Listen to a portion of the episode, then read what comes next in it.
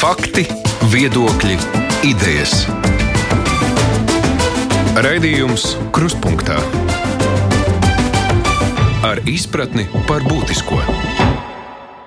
Aizsmeļamies Tomsons studijā. Piektdienās krustpunktā atskatāmies uz nedēļas notikumiem, un šī nedēļa ir pagājusi politiskās turbulences zīmē. Ir pajukusi ne tikai Bijusī partija KPVLV, arī saimnes frakcija viņiem turpina irt pa vīlēm, un šonadēļ to pamet vēl vairāk cilvēki. Tiesa atpakaļ ir nolēmis atgriezties kādreiz aizgājušais Digis Šmits, kurš gan valdību neatbalstīšot. Tas tajā pašā laikā nav traucējis šai pašai frakcijai izvirzīt jaunu ekonomikas ministru amata kandidātu Pēteru Šmītri. Jāņa Vitenberga vietā, kuram savu krēslu nācās zaudēt. Bet vai viņš ministrijā neatgriezīsies, arī nav vēl zināms, jo nacionāļi grib viņu atpakaļ. Tas spēku samērs ir sajūts, jo atšķēlušies deputāti arī atbalstīs valdību, kurš tagad ir koalīcijā, kurš nav un kurš ko pārstāv. Tur arī vēl jāspēj tikt skaidrībā. Var sakot, jāsgaliela. Un par visiem šiem notikumiem tad nu, arī tuvākajā stundā mēs runāsim. Kā jau piekdienās raidījumam ir pieslēgusies arī otra raidījuma vadītāja Mārija Ansons. Sveika, Māra! Labdien! Tāpatās Māris Antonēvičs no Latvijas avīzes. Sveiks, Māri! Sveicināt! Ziņu aģentūras Leta žurnālists Raivis Spalvēns. Sveicināts, Raivi! Dien. Un Aivars Sozoliņš ar žurnāli ir komentētājs. Sveiks arī Aivar tev! Labdien! Ap, no tās visas politiskās zupas, kas tagad ir, kas tev šķiet interesantākais, Māri? Kas man interesantākais, es nezinu, man tas vispār liekas, tas process tāds diezgan daudz absurdu pilns. Nu, pirmais, ja varbūt tēlainis salīdzinājums, nu skaidrs, ka tāds um, veidojums, kas kādreiz pretendēja uz partijas nosaukumu, tagad es nezinu, kas tas varētu būt. Nu, paliksim pie apzīmējuma veidojums. Grupējums. Grupējums. Nu, grupējumi tur ir vairāk, tā vairs nevar teikt. Bet, nu, labi. Uh, Viņš jau kādu laiku bija nu, skaidrs, ka tas ir tāds kā augonis uz valdības miesas. Viņš ir tur izaudzis, tur tā, bet, nu, acīm redzot, viņš tā nestrutoja, nekas tur tā ļoti Labdabīgs. problēmas neradīja. Un, un teiksim, daudz, daudzi pat nu, pieņēma, ka lai tur ir kaut kā viņš tur dzīvos, un, un, un, un arī premjerministrs tajā skaitā, kam primāri būtu jāuztraucas par to. Un, ja mēs paskatāmies satversmi, tad uh, tur ir diezgan skaidri norādīts, ka premjerministrs ir tas, kurš aicina ministrus valdībā, nevis partijas viņam piedāvā un tam līdzīgi. Tātad, nu, viņam, Bet satversmes vismaz šī situācija būtu jāuztrauc. Viņš ilgu laiku pieņēma, ka nu, tā ir un tā, tā tas notiek. Nu, tā ir gadījies, kur neko nevar padarīt. Nu, tagad tas alkoholis ir pārsprādzis. Nu, var tur meklēt vainīgus, kurš tur vainīgs. Nacionāla apvienība tur pakustināja ar savām kustībām, tur pārspridzināja. Vai viņi paši tur tā lēnām tik ļoti trūdēja, trūdēja un pārsprāga, vai vēl kādi apstākļi, varbūt vēl kādi ārējie spēki, ņemot vērā, kādas personu vārdi tagad parādās kā ministrs kandidāts. Tā kā, nu, tagad ar to situāciju kaut kā jātiek galā. Tas auguns ir kaut kā jāapkopja, vai nu viņš ir jā, nezinu, jānogriež nost, vai, vai kaut kas tur jādara. Nu, tagad, tagad tas tā visa situācija tiek risināta. Šodien, saprotu, ir pirmās sarunas, lai jau mēs dzirdēsim, kas tur tālāk sekos. Vai just, kad Mārs ir rakstītājs, viņš māk tēlāini uzzīmēt mums ainu, kā ir šobrīd politikā. Uh, ko pārējie saka par tādu ļoti vispārējo jautājumu, jo man liekas, ka te ir tik daudz to aspektu, ka es īsti nezinu, kur pirmo izvilkt ārā no tā visa. Visi ir interesanti. Raivi, saki tu, lūdzu. Nu, runājot par šo pašu KPV tēmu, man ir aizdomas, ka par KPV jau var runāt pagātnes formā. Jo, uh, pirmkārt, man šķiet, ka uh, šodien virzītais KPV ekonomikas ministra amata kandidāts Pēters Šmidra nekļūs par ministru, un, un iespējams arī, uh, ka paši KPV vairs nebūs koalīcijā. Tāpēc man liekas, ka drīzāk mums ir jāizvēlās, kā mēs runājam par pagātni vai, vai, vai par nākotni. Tu sagaidi, ka tur vajadzētu būt jaunai koalīcijai un jaunām pārmaiņām visā līgumā. Es, es pieļauju, jā, jo pagaidām man liekas, tās kārtas liekas tādā veidā, ka, ka, ka, ka, ka viens partneris vairs ne, varētu nebūt. Tad mums būtu arī cits labklājības ministrs vai ministre un cits iekšlietu ministrs. Vai? Attiecīgi, jā, bet tiešām man liekas, ir jāsagaida šīs dienas koalīcijas sarunas, un, un, un tad man liekas, būs. Es, es nezinu, vai šodien uh, būs kaut kas ļoti skaidrs zināms, vai vienkārši viņi iezīmēs kaut kādas lielas līnijas. Bet nu, katrā ziņā jā, būs, nu, būs interesanti. Tāpēc man liekas, pagaidām izteikt kaut kādas mm. prognozes ir tā baigi. Man sakot, Raivis saka, ka augoni griezīs ārā ar visām uh, saknēm. Uh, Aivar, ko tu saki? Nu, es te daudz negribētu runāt par KPV absurdumu. Tas ir tāds pierasts jau no kopš paša sākuma, bet mums ir jauns absurdums. Un, uh, To ir izraisījis Nacionālā apvienība pārņemdama uh, Vitsenbergu 22. aprīlī un līdz ar to anulēdama uh, koalīcijas līgumu. Es domāju, ka ja mēs gribētu saprast, kas patiesībā notiek, kāpēc tā notiek un, un kas ir ieplānots, mums vajadzētu prasīt Nacionālajai apvienībai, kas šo krīzi izraisīja. Bet uh, nu, es šaubos, vai viņi, viņi grib to atklāt. Viņi grib ietekmi pār ministriju. Tāds ļoti vienkāršs jā, jā, jā. skatījums. Jā, jā, jā. Nu, nu Skatījums, protams, vienkārši. Mēs vienkārši gribam. Nu, piedodiet, eh, koalīcijā ir piecas eh, partijas, tagad iespējams jau pat sešas. Grūti saprast, vai nevis partijas, bet frakcijas, teiksim, vai Zakatīstova. Uh, Uh, stabilo ļaužu grupu arī var uzskatīt par frakciju. Kariņš ir noslēdzis ar viņiem līgumu, bet nu, no Kariņa. Nu, te, uh, situācijas vērtējums ir atkarīgs no skata punkta. No kura viedokļa uz to skatās? Nu, sāksim no Kariņa viedokļa. Viņš tomēr ir valdības vadītājs. Viņam ir jānodrošina stabilitāte pēc tam, kad Nacionālā apvienība ir anulējusi koalīcijas līgumu Un mīļā miera labad, man šķiet, ka viņš pat varētu tam piekrist. Nu, mēs, uh, mēs jau redzam, kam viņš uzticēja pienākumus pildīt. Tas ir uh, ekonomikas ministra pienākums, tas ir Gerhards no Nacionālās apvienības.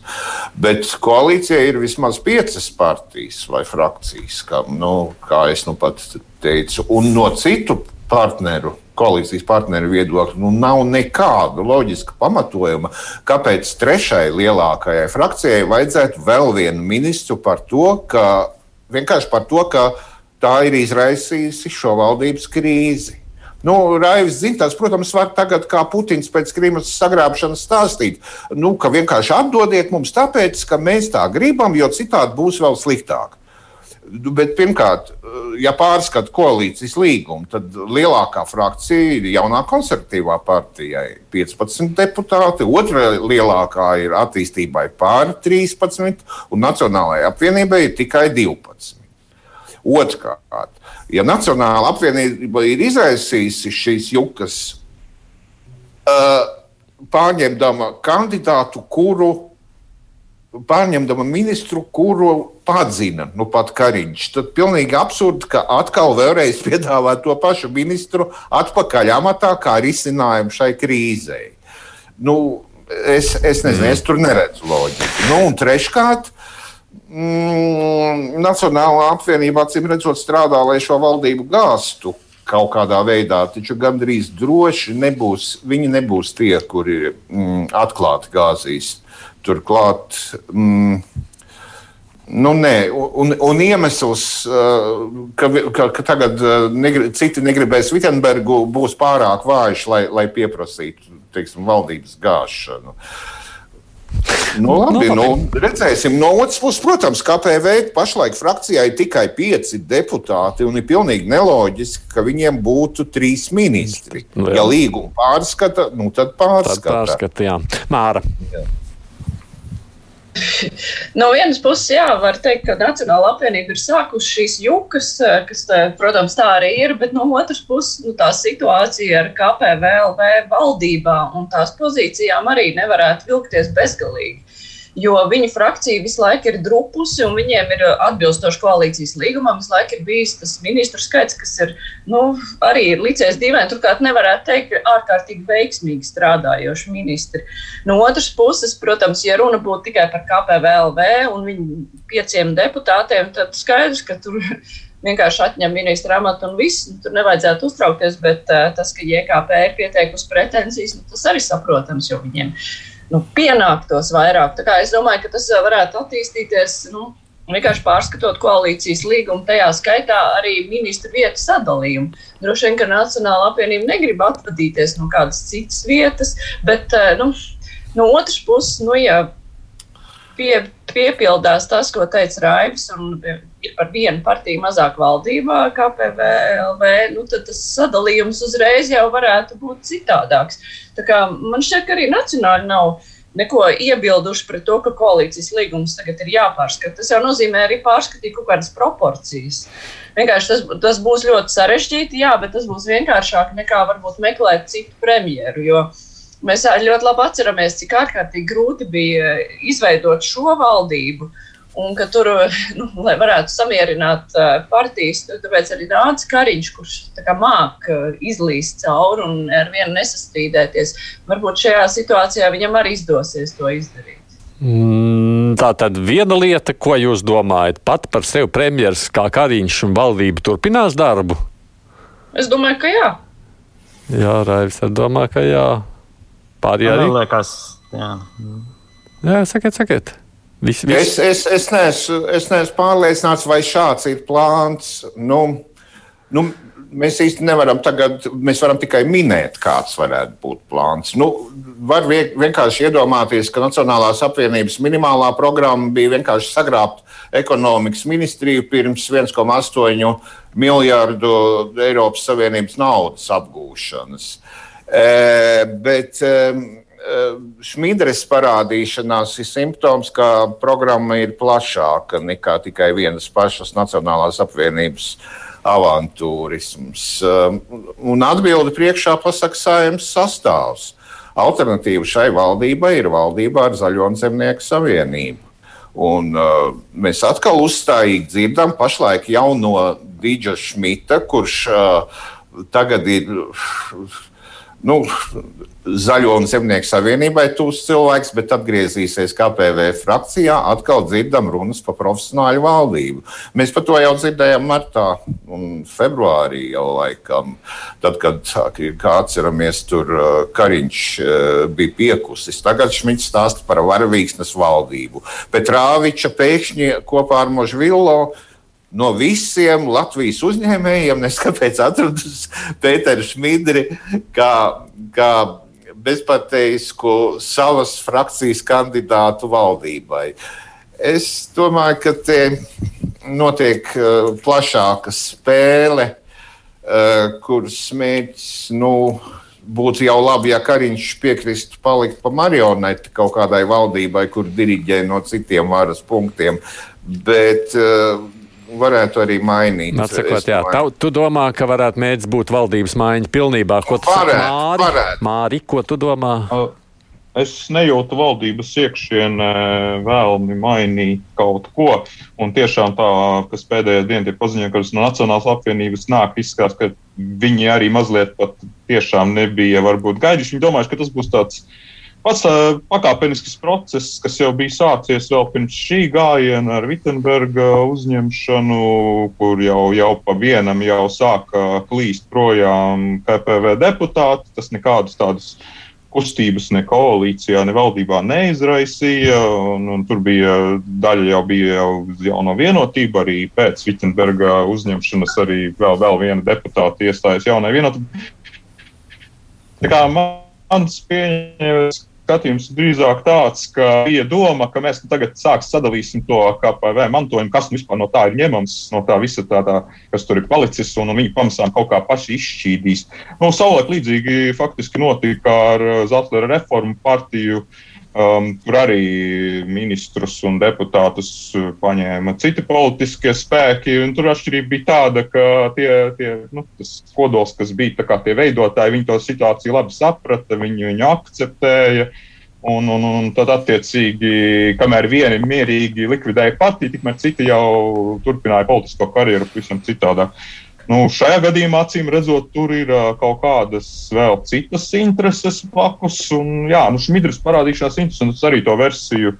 Nu, pat izlasīju kolēģi Māra Zandera raksta arī versiju, ka Šmidrs nākšana esot saistīta ar to, ka viņam jau diezgan sen esot uh, citi ieskati, kā būtu jātērē šī Eiropas fonda atvesļošanas nauda. Bet nu, tad, jā, tad ir ar vienu ministru tur nepietiek, jo viens ministrs to nenosaka. Tad tiešām jāmaina valdība. Bet, nu, No pārējiem pusēm es nejūtu, jā, tur ir jaunās konservatīvās partijas kaut kādas vēlmes, kaut kādu palielinātu ietekmi, kaut kādas amatus. Viņa, tiksim, saka, Tistava parlamentārā sekretāra amatu jau labu laiku izvirza pretenzijas, iespējams, priekšlietu ministrija. Jā, bet nu, tā, tā, tas tas politiskais tirgus. Nu, jā, tagad sāksies politiskais tirgus. Redzēsim, kas tur kas tiks galikts galdā, kas tiks pirks, kas pārdots. Jā, jā, jau šobrīd tiek es, es mainīt valdība. Jā, ja tikai tiek mainīt valdība, ir jau skaidrs, ka tad jau visticamāk šai KPV frakcijai vispār vairs nekāda izreža nav. Nē, pag Es gribētu vēl piebilst, pie tās uh, mazliet precizēt, pie tās valdības mainīšanas ir viens ļoti svarīgs apstākļus. Nu, es nu pat intervēju uh, Edgars Rinkeviču, ārlietu ministru, un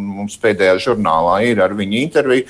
Viņš ļoti skaidri pasaka, ka ir tikai divi veidi, kā var gāzt valdību - vai ne, neusticības balsojums vai nu budžetu nepieņem. Nu, līdz budžetam vēl tālu, tā tad neusticības balsojums. Un Edgars Rinkevičs skaidri pasaka, ja kāda partija vēlas izteikt neusticību šai valdībai, tad tai nāksies to izteikt skaidrā un nepārprotamā veidā. Un, ja mēs atceramies, ko Ainārs Latkovskis, frakcijas, saimnes frakcijas vadītājs, pateica iepriekšējā, nu, te, kad bija tā sākusies tā iepriekšējā uh, krīze, kad Kariņš bija noguris martā un aprīlī.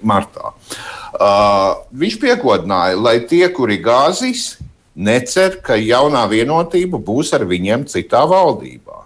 Tas ir ļoti būtisks trumpis uh, Kariņam, proti, ka tie, kuri gāzīs, viņiem tas būs jāpasaka ļoti skaidri.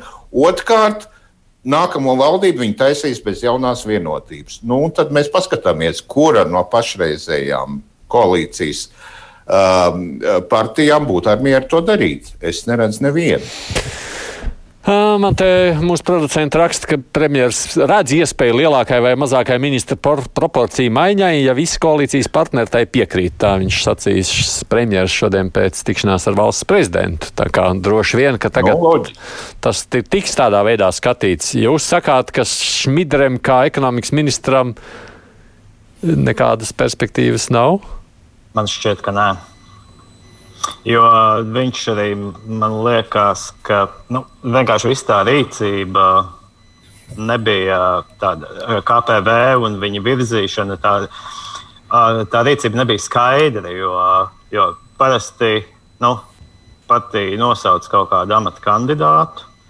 Un tad, attiecīgi, parasti kandidāts parādās publiskajā vidē, runā ar mēdījiem, stāsta, iezīmē kaut kādas vīziju, kā, kā viņš redz, nu, piemēram, Šmitas kunga gadījumā, kļūstot par ekonomikas ministru, nu, nu, iezīmējot problēmas, nezinu, ekonomikas ministrijas darbībā, uh, raksturojot kaut kādu, sniedzot vērtējumu par uzņēmēju darbības vidi, kas būtu uzlabojams. Nu, kaut kāds iezīmēt konkrēts, priori, nezinu, trīs prioritāros darbus. Šmita ar mēdījiem nerunāja, cik es saprotu. Laikam, tikko, eh, nu, kaut kad drīz jābūt eh, viņa viedoklim aģentūrā Leta, bet tur es arī cik lasīju, tad uh, tur ir vienkārši vis, vispārīgas frāzes. Viņš neatstāja iespēju, ka viņš būtu nu, vis, vispār sapratis, kas tas ir, uz ko viņš iet, uz ko viņš tiek virzīts. Nu, Man liekas, no. ka, še, ka, ka, ka Šmitras izvirzīšanu nevajag arī baigi sarežģīt skatīties, jo uh, Nu, skaidrs, ka KPVLV tajā atlikušajā daļā, nu, viņiem nav nekāda rezervistu soliņa. Nu, viņi tur skatās apkārt, nu, ko varētu tādu izvirzīt uh, ekonomikas ministra amatam, jo mēs gribam to amatu, nu, tad mums vajag kaut ko tādu izvirzīt. Nu, viņi ir izvirzījuši. Jā, jo es drīzāk Mārim, ka nebija tāda tālajoša plāna. Mā, māra, māra, tā tas nebija noteikti. Tā tas nebija noteikti. Nu, kā tu iedomājies, atbraukusi pēc rāviņš no saldus un pēkšņi paskatās Rīgā.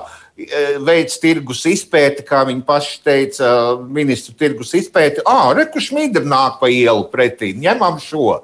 Nu, kāpēc no visiem uzņēmējiem šmidri? Nu, tur ir šmidrijas simptoms. Es gribētu pievērst uzmanību, varbūt tam nav nekāda sakara ar pašreizējo krīzi, bet es gribētu pievērst uzmanību, ka 2004. gadā Šmidre, tolaik Baltkom TV, televīzijas, Baltkom TV valdes priekšsēdētājs tiesājās pret Ilzi Jaunaugsni. Par, um, par to, kā uh, Ilza Jaunaugsne bija atainojusi uh, Latvijas televīzijā digitālās televīzijas ieviešanas gaitu. Un tiesa nosprieda uh, par labu Šmidrem. Tobrīd tas bija jūlijā, un Šmidres pārstāvis, zvērināts advokāts Jānis Bordāns, atzina, ka tiesas spriedums principā viņu apmierina. Bet Šmidre tiesā iesniedza vēl vienu prasību pret žurnālistu jaunu augsni par godu un cieņu aizskrošu ziņu atsaukšanu. Es, es nezinu. Katrā ziņā Šmidre jaunu augsni bija stāstījis par to, ka Šmidre un kopā ar bijušo politiķu šķēli Eh, bija pieteikušies privatizēt digitālo televīzijas ieviesēju. Eh, tā kā, vai tur ir kāds sakars, vai, š, vai šis ir signāls, ka šķēle atgriežas politikā, vai šis ir signāls, ka Bordāns spēlēs kādu īpašu lomu, es nezinu. Bet katrā ziņā Uh, uzskatīt, ka vienkārši kaut kā nejauši tur Možvillo ar Petrāviču uzdūrās šmidrem un iedomājās, ka nu šis derētu. Nu, tas tas Man nu, gan tu tam netici, jā, Māri. Ar, ar, ar šmidri, protams, ir interesanti, jo, e, kā pareizi atzīmē kolēģis, viņš te vairākas dienas mēs vispār nezinājām, vai šmidra vispār pats ir uh, informēts, ka viņš ir izvirzīts ministra amatam, jo viņš neko vispār neteica. Nevienu vārdu. Es saprotu, ka kaut ko jau ir sācis teikt. Nu, tur vismaz, vismaz viņa, viņa piekrišana ir. Bet eh, jā, nu, tur var savilkt dažādas schēmas, un tā Latvijas politiskā dzīve jau ir, tā politiskā vēsture ir bijusi interesanta. Ir tādi cilvēki, kas ir, nu, ir diezgan plaši pārsteigājuši par šo faktu, ka viņa Bordāns ir bijis Šmidras advokāts. Es nebiju dzirdējis, bet nu, tas, ka savulaik Šmidra sēdēja starp biedrības Latvijas attīstībai, dibinātājiem un uzstājās šajos pasākumos. Gan labi atceros, toreiz bija jaunums repša, tur dibinātāja priekšplānu. Nu, tagad tā partija ir mazliet pārveidojusies, bet, nu, principā viņa no politika, politikā turpat vien ir un, un diezgan ietekmīgs spēlētājs. Tāpat savulaik viņš ir bijis jaunā laika atbalstītājs un, un, un tā tālāk. Mēs te varam atrast kaut kādas saites un, un tā, protams, rodas jautājums, vai KPV šiem pie, piecīšiem vai sešīšiem, kas tur tagad ir palikuši, vai kāds ir tā viltīgi piespēlējis, un viņi strādā izmisumā, ka viņiem nav cita ko izvirzīt, tad ir izmetuši šo kārtu, un patiesībā tur ir citi uh, pārstāvji, kas ir interesēti bīdīt, vai arī tur tiešām ir varbūt vēl kaut kādas spēles, un šajā gadījumā pat nesaistīti ar šiem politiskiem spēkiem, kas veido koalīciju, bet pilnīgi no malas. Uh, nu, redzēsim, jā, vispirms sagaidīsim atbildi, kas kāda koalīcija vispār vērtē šo kandidatūru, kas tur izskanēs. Jo tur jau arī nav tāda skaidra atbilde pateikta, izņemot to, ka Nacionāla apvienība gribētu, lai Vitsenbergs paliek. Nu, jebkurā gadījumā jūsu teiktais pirmkārt liek gaidīt tiešām pēcpusdienu, lai redzētu, ko tad koalīcijā pārunā. Otrs droši vien piemetot šeit savu intrigu tajā visā stāstā. Pēters Šmīdri ir piekritis sniegt pirmdien lielo interviju kruspunktā raidījumā. Tas nozīmē, mēs viņu šeit stundas garumā varēsim iztaujāt pirms pirmdien. Es Aivars nopūtās, viņš neklausīsies mūsu, to es sapratu, bet es aicinu klausītājus klausīties. Paklausīšos, paklausīšos, bet, nu, bet nu, piedodiet līdz pirmdienai. Nu, nu, nu, kas tad viņš, kas tas Šmidre tagad ir? Kāpēc jūs viņu iztaujāt? Nē, ir jau skaidrs, jebkurā gadījumā, lai arī ja viņš nebūs, kas, kā jūs sakāt, ministrs, ir jau gribētos, cik vien zināms, uzzināt to viņa argumentāciju un tās sarunas, cik viņš, protams, stāstīs un cik aivars viņam noticēs, tas ir otrs jautājums. Nu. Labi, jūs viņu uztaisīsiet par nopietnu amata kandidātu. Es saprotu. Nu, tajā brīdī, jau, vai viņš būs amata kandidāts vai nē, es domāju, mēs pirmdien zināsim. Tam vajadzētu kaut kādā brīdī šovakar parādīties.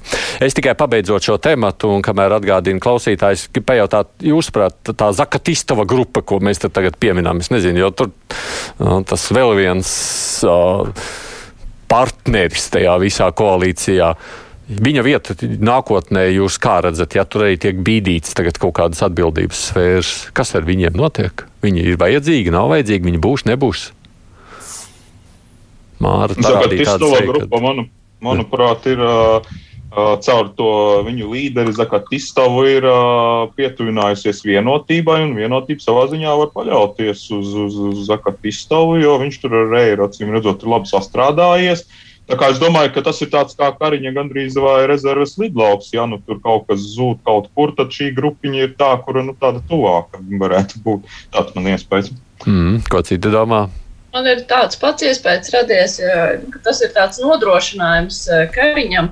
Turklāt šiem cilvēkiem, es domāju, ka nu, vismaz daļa no viņiem gan jau gribētu arī savu kaut kādu nākotni, nu, lai viņus uztver kā tādus prognozējamus eh, cilvēkus, ar kuriem var strādāt, viņi var droši vien gribēs kaut kādās partijās uh, atrasties. Nu, tad viņi tagad uh, var, viņiem ir iespēja sevi iezīmēt kā tādus labus sabiedrotos. Un, nu, tas ir tā kā jā, rezerves variants KPV frakcijai, kur vispār nav nekādā veidā saprotama uz kuru tāpat nevar paļauties. Tā kā tiem ir labākas pozīcijas šobrīd. Jā. Nu, es, es, es, es vispirms.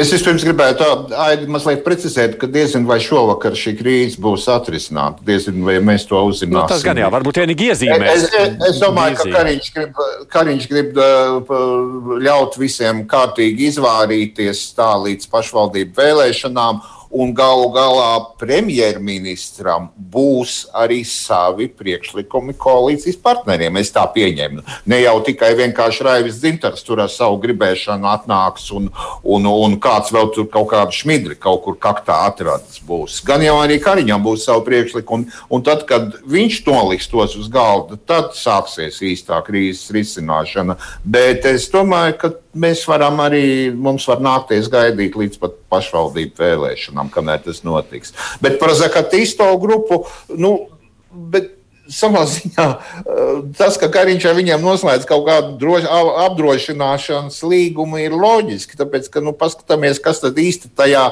īstajā frakcijā palikuši. Četri no tiem cilvēkiem ir balsojuši par neusticības izteikšanu Kariņam.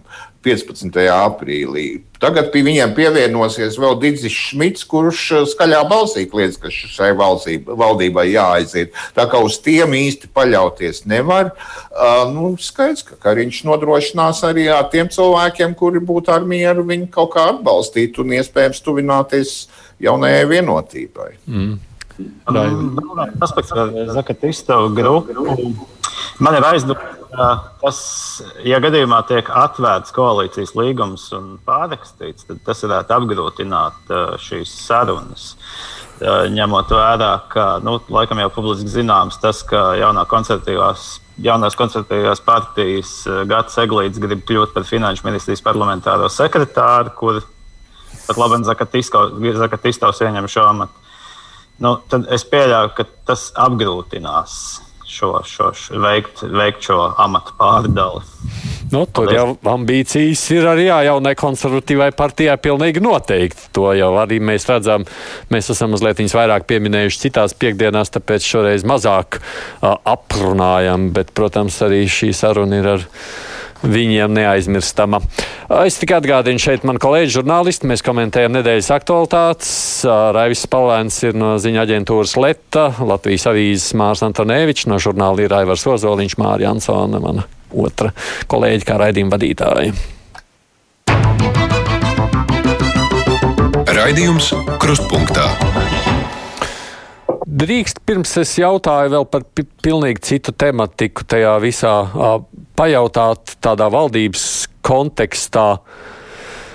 Opozīcija, man liekas, pirms pāris dienām šo ziņu vismaz tādā veidā pasniedz. Lūk, jau ir nākošais parlamentārais negadījums. Mēs saimas komisiju virzām uz priekšu lēmumu par to, ka vajadzētu ļaut arī kosmetologiem strādāt uh, par spīti valdības šobrīd aizliegumam. Cik daudz uh, visā šajā te politiskajā jazgā, kas vēl izskatās kādu laiku turpināsies, ir sagaidām jauni politiskie šie parlamentārie negadījumi, un cik par to būtu jāraizējas premjeram, kamēr viņš, ja īpaši viņš vilktu tik gari, kā Aivars saka, līdz pašvaldību vēlēšanām. Es domāju, ka ir jāraizējas. Tas jau pirmais balsojums jau parādīja, cik vienkārši un viegli tas ir. Un, ka, nu, tāpēc man jau sākumā šķiet, ka parlamentārais negadījums nemaz nav tik liels negadījums, ka tas vienkārši ir āķis lūpā. Turpināt uh, kaut ko piekoriģēt. Protams, uh, nu jācer, ka nu, būs tā kā tajā pirmajā gadījumā, ka tur ir plašas iespējas, lai visu mīkstinātu, nu, pie, piedāvājums un nu, tomēr mīkstina kaut ko, kas ir mazāk sāpīgi. Nu, ka kaut kāds saprāts tur valdīs, bet es baidos, ka ar to mazāk nepaliks, jo, ja šīs debats vēl aiziet uh, uz saimu, un uh, tur var deputāti tagad izrādīties vēl labāk nekā uh, valdībā ministri, kur arī tur ļoti cītīgi strīdējās un bieži vien neņemot vērā kaut kādus loģiskus un no epidemiologa argumentus, tad eh, es domāju, ka šeit tas var aiziet eh, vēl trakāk. Raiva, tu teici, domā, ka valdības ticamāk nekritīs, tur ir stāsts tikai par pārbīdēm, bet nu, šīs pārbīdes tad baigi ilgi tas nevar vilkties. Tas jau tā premjeram pašam ir pārlieku riskanti, ne? Nu, jā, nu, premjera, prem, premjera spēramie soļi man īsti nav, nav, nav, nav, nav zināmi. Es arī negribētu pagaidām spekulēt, bet, bet nu, ņemot, te jau kolēģi minēja, ka līdzinājais koalīcijas darbs nav loģisks. Es piebilstu, ka dažkārt tas ir tiešām cirks ar uguņiem. Bet tas nebūtu. Nu, bet tomēr jāņem vērā, ka situācija ir nopietna, sevišķi epidemioloģiskā situācija. Un visa tā saimnes un valdības rīvēšanās laikā, kad sabiedrība jau tā, nu, tā neievēro epidemioloģiskās drošības prasības. Tad, man liekas, visa šī rīvēšanās neveicina arī sabiedrībā kaut kādu uzticēšanos uh, pieņemtajiem lēmumiem un, un, un, un, un, un nemodina ievērot visus šos nosacījumus. Tāpēc man liekas, nu, ka te, te ir tā, nu, ka, ka politiķi ļoti spēlējās ar uguni šajā brīdī. Es, es pat piebilstu, ka nu, šis, ļoti, šis būs ļoti svarīgs, protams, arī valdības stabilitātei. Politiķi nevis vienkārši spēlējas ar uguni. Izskatās, ka uh, viena daļa uh, to politiķu vai to aizkulisku spēlētāju, kuri gribētu pārmaiņas valdībā, mēģina izmantot, mēģina pasliktināt epidemioloģisko situāciju, lai pēc tam to varētu pārmest valdībai, premjerministram. Un es domāju, ka premjerministram jau sen vajadzēja uztaisīt vienkārši elementāru revīziju, paskatīties, kuri ministri nav piedāvājuši nekādus priekšlikumus, nav, nav, kā ierobežot saslimstību, kuri ir piedāvājuši tikai tieši otrādi, kā, to, kā situāciju pasliktināt. Vitsenbergs, protams, ir pirmais.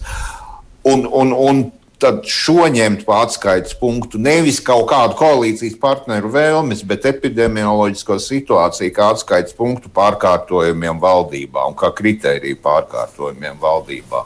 Un, un, uh, ja tagad vēl atvērs papildus terasēm vēl kaut ko, epidemioloģiskā situācija tiešām līdz pašvaldību vēlēšanām noteikti un neizbēgami pasliktināsies. Un tas būs vēl viens faktors, protams, diskusijās par valdību. Mm. Māri, ko tu domā par šo? Ko darīt? Nē, no opozīcijai, protams, gribētos pasniegt, ka viņi, ka viņi ir tie, kas tur redz, darbojas. Un, un tur jau tā parādās, ka mazliet katrs mēģina, pie katra ierobeža atcelšanas parādās kāds, kas mēģina to ordini piespraust. Un kā šajā gadījumā tas izskatās ielikt sociālos tīklos kartiņu, kā tas bija ģirģents, kad frizieriem ļāva strādāt. Viņš pirmajā dienā, pirmajā stundā bija pie friziera un pauzēja sociālos tīklos. Tagad bija Kristians Feldmans terasē ar kafiju. Viņš ir tas, kas ir panācis. Nu, tā ir tāda politiska, saprotot, ka sabiedrībā šīs, šīs ilgas gaidas, kas tiek arī politiski uzkurinātas ar stāstiem, grib, gribi vasaru un pacieties līdz vasarai, un tūlīt būs vasara, un tad jau viss notiks, kas jau ir jau iepriekš uzkurināts, šīs sabiedrības ilgas pārvērst kaut kādā politiskajā kapitālā.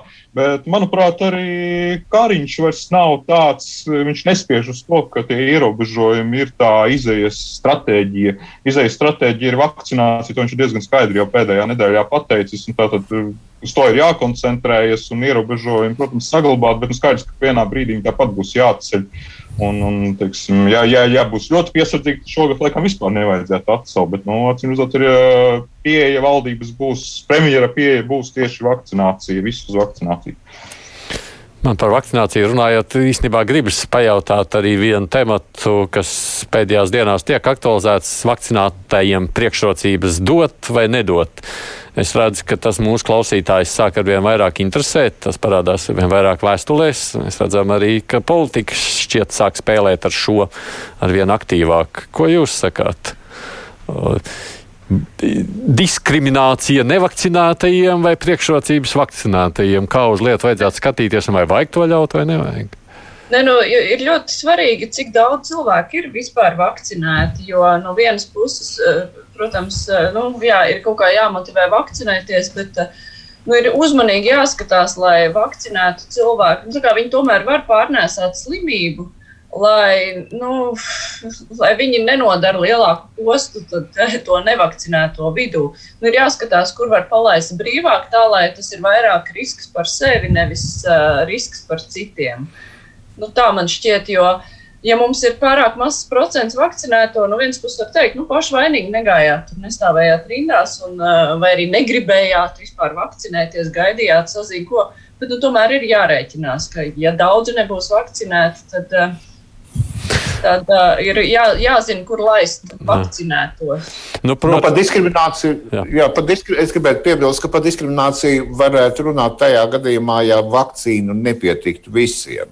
Ja vakcīnas būtu nu, es, es runāju tik, tikai teorētiski, nevis par pašreizējo teiksim, situāciju vērtēt. Ja vakcīnas ir pieejamas visiem, kuri grib vakcinēties, tad nekāda diskriminācija te nevarētu būt. Ja tiem cilvēkiem, kuri ir pilnībā vakcinējušies, ir kaut kādi atvieglojumi. Nu, Amerikā, piemēram, vakar uh, viņi nosprieda, ka nu, pāri pa pusē tur jau ir vakcinēti cilvēki, un pilnībā vakcinētajiem cilvēkiem vairs nebūs jāvalkā maskas. Uh, Nu, tur arī tās diskusijas ir, vai tā nav diskriminācija pret pārējiem, bet no otras puses nu, tie argumenti ir diezgan stipri, jo pārējie jebkurš var aiziet un vakcinēties, un arī nevalkāt masku. Šādā ziņā es nedomāju, ka diskriminācija būs aktuāls jautājums, ja būs vakcīnas visiem. Jā, nu šobrīd... nu jā, bet, bet uh, vakcinācija tikko sākusies. Es nezinu, vai var, var šobrīd jau tik strauji uh, Uh, sākt dalīt, jo pat ja daudz cilvēku, kas varbūt grib, viņi vienkārši nav gribējuši stāvēt septiņas stundas rindā, un viņi nav aizgājuši, bet tie septiņas stundīgi ir tik nepacietīgi, ka grib jau uzreiz. Man liekas, primārais tomēr ir, ko saka eksperti tieši par šo vīrusu izplatību starp vakcinētajiem, cik viņi tālu var iznēsāt un tam līdzīgi. Un, uh, Eksperti, nu, ja, ne, ja neskaita, mums jau tagad eksperti ir parādās ļoti daudz. Mums ir antropologi, ir eksperti, kas par infektuoloģiju runā, un, un pēkšņi tie infektuologi arī pazūd ar vien viens pēc otru mazāk. Daži vēl parādās telpā, publiskajā telpā, bet Ludmila Vīgs kādu laiku, piemēram, neesmu dzirdējis, vēl tur daži, kas sākumā aktīvi runāja. Tā kā man liekas, ka viņiem vairāk būtu par šīm tēmām jārunā un jāskaidro, un tikai tad vajadzētu sekot kaut kādiem politiskiem lēmumiem. Bet nu, viens, kas ir interesanti, ir Atcerēsimies, ka janvārī mums tika tā ļoti publiski un, un tā parā, parādot plaši vakcinēts ministru kabinets ar stāstu, ka tā ir tā valsts nepārtrauktība un, un tam līdzīgi, ka nu, nekavējoties būtu jāsāk strādāt klātienē. Un trīs gadus pagājis, un tas klātienes darbs tā arī nav atsācies. Un kas tad tur notika? Tur arī vajadzētu kādu skaidrojumu, kāpēc tā bija jāsteidzas, ka beigās, beigās nekāda rezultāta nav. Hmm, tas ir taisnība. Viņi tur neko nav atsākuši. Ko jūs domājat par tiesībām? Uh, nu jā, šobrīd jau taisnība. Pašlaik vēl nemaz nav tādas visiem iespējas raivi tavs viedoklis. Uh, man Tomēr, man liekas, ka diskriminācija ir ļoti svarīgs, bet tajā pašā laikā nenormāli sarežģīts jautājums, kas man prasīs ļoti niansētas diskusijas. Uh, tos piesaistot, nu, tas, tas, uh, šo jautājumu nevar risināt no uh, politiskā līmenī. Tur tiešām ir jāpiesaista kaut kādu konkrētu jomu eksperti. Es nezinu, ka tie paši antropologi, uh, ētikas eksperti no medicīnas jomas. Jo, jo ir jāsaprot, viena lieta ir. Uh, vakcinācijas eh, tempi un apjoms, bet tajā pašā laikā ir arī cilvēki, kuri nevar vakcinēties. Tie ir fiziski un fizioloģiski. Un tad uh, attiecīgi, nu, arī visi šie jautājumi ir ļoti, ļoti jāizsver. Tas nav tā vienkārši pateikt, ka man nepatīk tie, kas nevakcinējās, lai tie iet ceļš stūrītī, kamēr mēs ejam uz operas teātri un, un, un, un visu citu. Nu, te te prasās jā. ļoti, ļoti smalka diskusija. Jums pastāv bažas, jo nu, tā jau te saka, ja, ka par to var reāli lemt tajā brīdī, kad ir tiešām apmēram pusi vakcinēti, tad varētu domāt par šādu atvieglojumu ieviešanu. Jums pastāv bažas, ka pusi nemaz nevakcinēsies un mums būs. Lockdowns turpināsies mūžīgi, jo nu, puse nevakcinējās, atvieglojums ieviest nevar, neko nevar izdarīt. Man ir bažas drīzāk par to, ka premjerministrs Kariņš ļāvies vēlmju domāšanai, ka vajadzēs tikai ātri visus vakcinēt, un tad jau viss būs kārtībā. Tad jau ierobežojumiem vairs īsti nozīmes nav, un tur nav vērts tam pievērst uzmanību. Galvenais, viņš to mēnešu laikā divas reizes atkārtojas, ka mēs te skrienamies. Mums te notiek skriešanās ar, ar, ar vīrusu, vakcinēšana no vienas puses, un vīruss mums ir tas. Uh, tas konkurence. Jā. Bet eh, es atvainojos, paskatoties, kādi ir pašlaik tempi, cik ir vakcinēto, nu, cik tad eh, divas potes ir dabūjuši nepilni 5% tikai. Skaidrs, ka mēs šajā sacīkstē zaudējam uh, vīrusam pašlaik un paļauties tikai uz vakcinēšanu. Uh, diez vai ir prāta darbs. No, nu, joprojām galvenais slimības ierobežošanas līdzeklis būs kontaktu ierobežošana. Es, protams, mazliet šo jautājumu aizvirzīju tālākā nākotnē, rudenī, piemēram, skatoties. Septembrī atkal skolas nevarēsim vērt vaļā, jo tā kā vairums nav vakcinējušies, tad tā arī viss turpinās. Uga Dumpis piedāvāja ļoti elegantu un efektīvu risinājumu nu pat šai situācijai, kas ir izmēģināts jau daudzās pasaules valstīs. Ar ļoti strauju masveidu vakcinēšanu apvienojumā ar trīs dienu, ar trīs nedēļu, piedošanu, apmēram trīs nedēļu pilnīgu lockdown. Ko, ko, Tad gan mums būtu vasara, un tad gan mums septembrī skolnieki iet uz skolās. Bet problēma jau ir tā, ka, nu, paskatieties, pagājušā nedēļa uzrakstīja lielāko slimnīcu ārsti un atbildīgo dienestu vadītāju un darbinieki atklātu vēstuli politiķiem ar lūgumu, nu, ieklausieties taču, situācija tūlīt būs katastrofāla. Neviens jau neklausās vairs ekspertus. Neviens neklausās galvenais epidemiologs Pašlaik ir Raivs Dzintars, kurš ierosinājis nākamreiz pirms tādiem lēmumiem kā par terasēm, visu to izlemt koalīcijas padomē, pirms par to lemt valdībā. Proti, par ekspertiem vispār nav vairs nekādas runas. Nu, tāpēc mana prognoze. Nu, ja nekas nemainīsies politiķu attieksmē, situācija pasliktināsies. Es pat gribētu piekrist tam, ka tas, ka valdība ir atslābusi, tas ir fakts. Un, uh, atslābusi un, un, un vairs nekomunicē tik ļoti, cik, uh, cik epidemioloģiskā situācija joprojām ir trausla. Uh, es nezinu, vai tas ir skaidrojams ar uh, pašvaldību uh, vēlēšanu laiku vai kā, bet uh, man liekas, ir zud, ir zud, uh, valdība vairs nekomunicē trauksmi. Mm. Valdība pilnībā, atte, pilnībā atteikusies. Šobrīd, no, no, šobrīd tā ir. Jā, nu, nu labi. Vēl viens temats, ko es gribu ārpus vakcīnām un politikas pajautāt, nu, no politikas nosacīt tomēr, bet tas, kas šajā nedēļā parādījās, droši vien jāsaka arī sākotnēji ar tādu starptautisku pieskaņu OECD sacīto, bet nu, arī Latvijas uh, publiskajā telpā pārņemts un daudz apspriests mantojuma nodoklis. Proti, ja ir mantojums ne tiešajam, kā saka, pēcnācējam, tad būtu jāuzliek krietni lielāks nodoklis lielām mantojuma īpašumiem vai summām. Mārija Antoneviča, ko tu saki par šo diskusiju un kādas emocijas tev raisa šis? Nē, nu, tas ir vienkārši secinājums, ka komunistiskās idejas nekur nav pazudušas. Viņas mēģina transformēties, iegūt kaut kādus mūsdienīgākus vaipstus un, un tam līdzīgi, bet tas pamats jau ir tas pats. Vienkārši jautājums ir tad, jā, ja cilvēks negrib šo mantojumu nodokli maksāt, negrib šo mantojumu kaut kā padalīties un atdot, tad vai tas ir kā 17. gadā un tā tam līdzīgi viņiem to atņem vai meklē kādus citus civilizētākus veidus, bet Principā tas ir jā, tas, tas diezgan galēji kreisais, kreisās idejas, kas, kas, kas varbūt citās valstīs jau ir kaut kādu ieguvuši, bet nu, tur arī ir mazliet citādāka vēsturiskā situācija bijusi nekā pie mums, kur kāda kapitāla uzkrāšana, ja neskaita dažus privatizators, nav un cilvēki tikai faktiski pirmajā paudzē kaut ko var atstāt, nebūt tās lielākās īpašums mantojumā. Mm, tev ir kategoriski pret tiem. Raivi. Uh.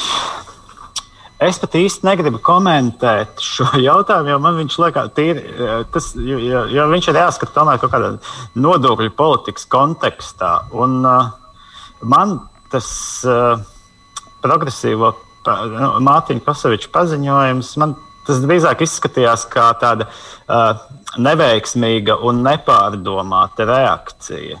Uh, es domāju, ka viņš Nē, es pieļauju, ka viņš galīgi nebija gaidījis, ka būs tāda reakcija.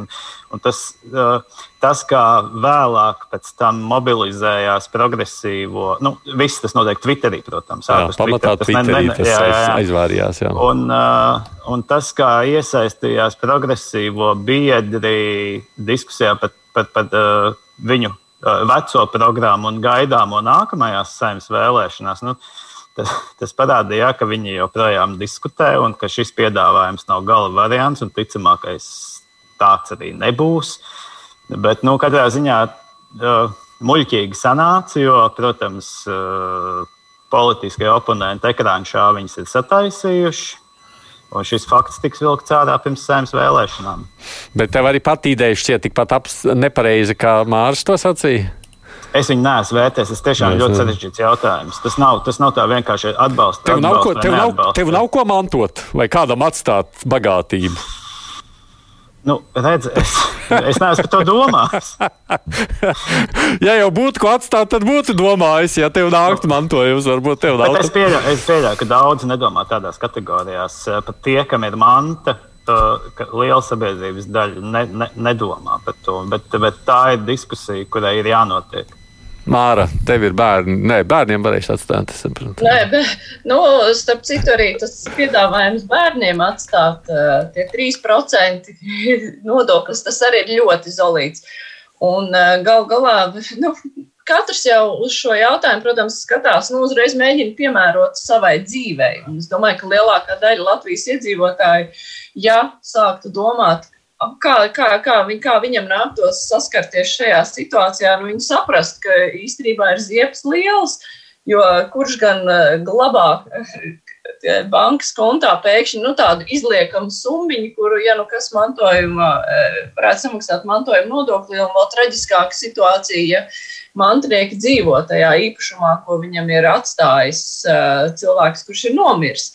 Un, nu, par, par šādu nodokli var runāt eh, tajā situācijā. Pirmkārt, tur ir jārunā par kaut kādiem pilnīgi citiem limitiem eh, īpašumu vērtības. Un, eh, Otrakārt, nu, tur jārunā arī par citu labklājības līmeni, jo mūsu, pie mūsu labklājības līmeņa tas būtu kaut kas traģisks. Mēs jau tagad redzam, cik ka cilvēki nevar samaksāt to pašu nodevu, kas šobrīd ir, ja, ja dzīvo teiksim, vīrs un sieva, un uz vienu vārdu ir dzīvoklis, ka pēc tam nepāraksta to dzīvokli uz savu vārdu, jo vienkārši nevar samaksāt tās nodevas, kas nemaz neskaitās nodoklis. Nu, tagad pēkšņi e, cilvēks, vai kāds ir ņēmis kredītus, sūri grūti maksājis par īpašumu, un tad viņš aiziet aizsaulē. Viņa mantinieki ir nostādīti faktu priekšā, ka viņam ir jāmaksā kaut kāda milzīga summa, jo tās summas ir, nu, priekš mums ir lielas. Un tāpēc uh, nu, šis piedāvājums eh, šķiet ļoti jauks un tāds skaists Skandināvijas kontekstā, bet Latvijas kontekstā nu, tas, ne, tas tagad ne, nedarbojas. Mums nav paudzēs krāts kapitāls, kuram tagad kāds sēž virsū. Un savukārt ar blēžiem, kur ir kaut kādā veidā tur eh, mantojuši, nu, ar, ar, tie, ar tiem tas neko neizdarīs gal galā. Tur tie, nu, tie 49%. Nu, es nezinu, vai viņi neizdomās vēl kā to apiet, un beigās maksās uh, parastie cilvēki, kuriem nav ko maksāt. Nu, tie ir savs mantojums. No, tajā pašā laikā tavs pieminētais tā ziņa, tas jau arī, protams, Twitterī tika apspēlēts. Aivars jau noteikti zina dažus personāžus, vismaz kādus, kur ir mantojuši un tāpēc kļuvuši Latvijā ļoti bagāti, vai ne cilvēki? Nu, ziniet, nu, es piekrītu Raivim, ka pašlaik vērtēt šo konkrēto priekšlikumu vispār nav vērts. Nu, es to uzskatu. E, e, es to varētu likt mācību grāmatās, kā hrestomātisku piemēru, kā nevajag rīkoties politiķiem, ja viņi negrib aizbaidīt vēlētājus. E, ja es pareizi saprotu, tad šis priekšlikums nav īsti pat partijā apspriests, nav kaut kādās programmās ierakstīts, un pēkšņi Kosovičs izspēr konkrētus skaitļus, konkrētas summas un procentus. Jau, nu, nu, ir, tas es esmu precizējis, programmā, programmā viņiem tas esot no 18. gada. Jau. Ir jau, jā. jā tā ir viņa programma. Jā, jā, jā, jā, to arī Kosovičs citēja šo programmu. Nu, nu, tā nav, nu, tā nav laba ideja. Es, es nezinu, es atceros, protams, es atceros, kā daži cilvēki ieguva lielu mantojumu, un, uz ko uh, it kā mantojumu, uz kuru atsaukties kā kā savu uh, bagātības avotu. Tas bija 90. gados.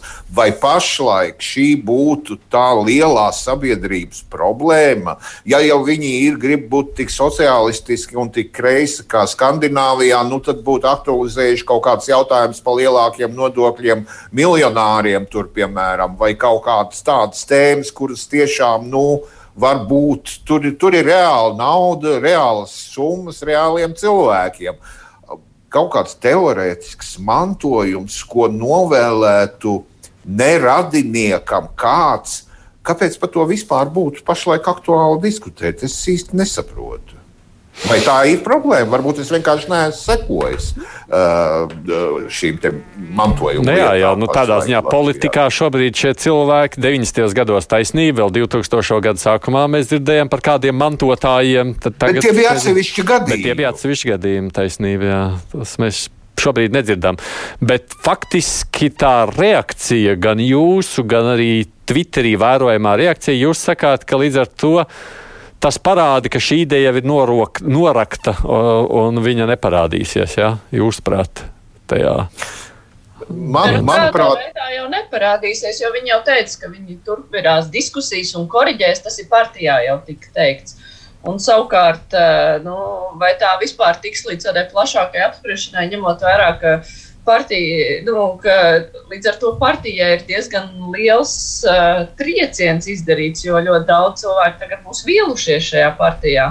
Un tad es nezinu, vai tas vispār nonāks līdz kaut kādai tālākai apspriešanai, jo nebūs kam apspriest. Nē, Nu, šai, part, šai partijai vispirms jātiek parlamentā, jo pagaidām viņiem vienīgais politiskais sasniegums ir Rīgas domas vēlēšana, vēlēšanās, un tur ir mazliet citi jautājumi, uz kuriem tomēr mazliet cita publika pavēlkas. Bet, nu, es pieņemu, ka viņi tiks, bet nu, tā būs tāda diezgan margināla kreisa grupa, kas ar šādiem priekšlikumiem nekur tālu netiks, pat ja viņi viņus izvirzīs. Tā kā, nu, jā, Hmm. cerams, ka nē. Es pieļauju, ka šis priekšlikums tiks apspriests uh, saimas pirmsvēlēšanu laikā, jo nu, debatēs, jo oponenti vilks ārā šo faktu. Ā, un tādā veidā, jā. Tā var būt. Jā. Raivis Palvēns, Mārija Ansona, Mārs Antonevičs, Aivars Ozoliņš, četri žurnālisti šoreiz pārunāja šīs nedēļas apspriestos temats. Paldies jums par iesaistīšanos šajā sarunā un apspriedē. Kā jau teicu, pirmdien kruspunktā saruna ar uzņēmēju Pēteru Šmidri, kurš nu grib klausās, kurš nē, bet es saprotu, ka gan jau zina, kā ar būs. Paklausīsimies, redzēsim, ko viņš saka un argumentē savu piekrišanu šādai kandidēšanai. Bet kruspunktā šodien izskan producents Tevi Junāms, studijā bija es Aits Tomsons.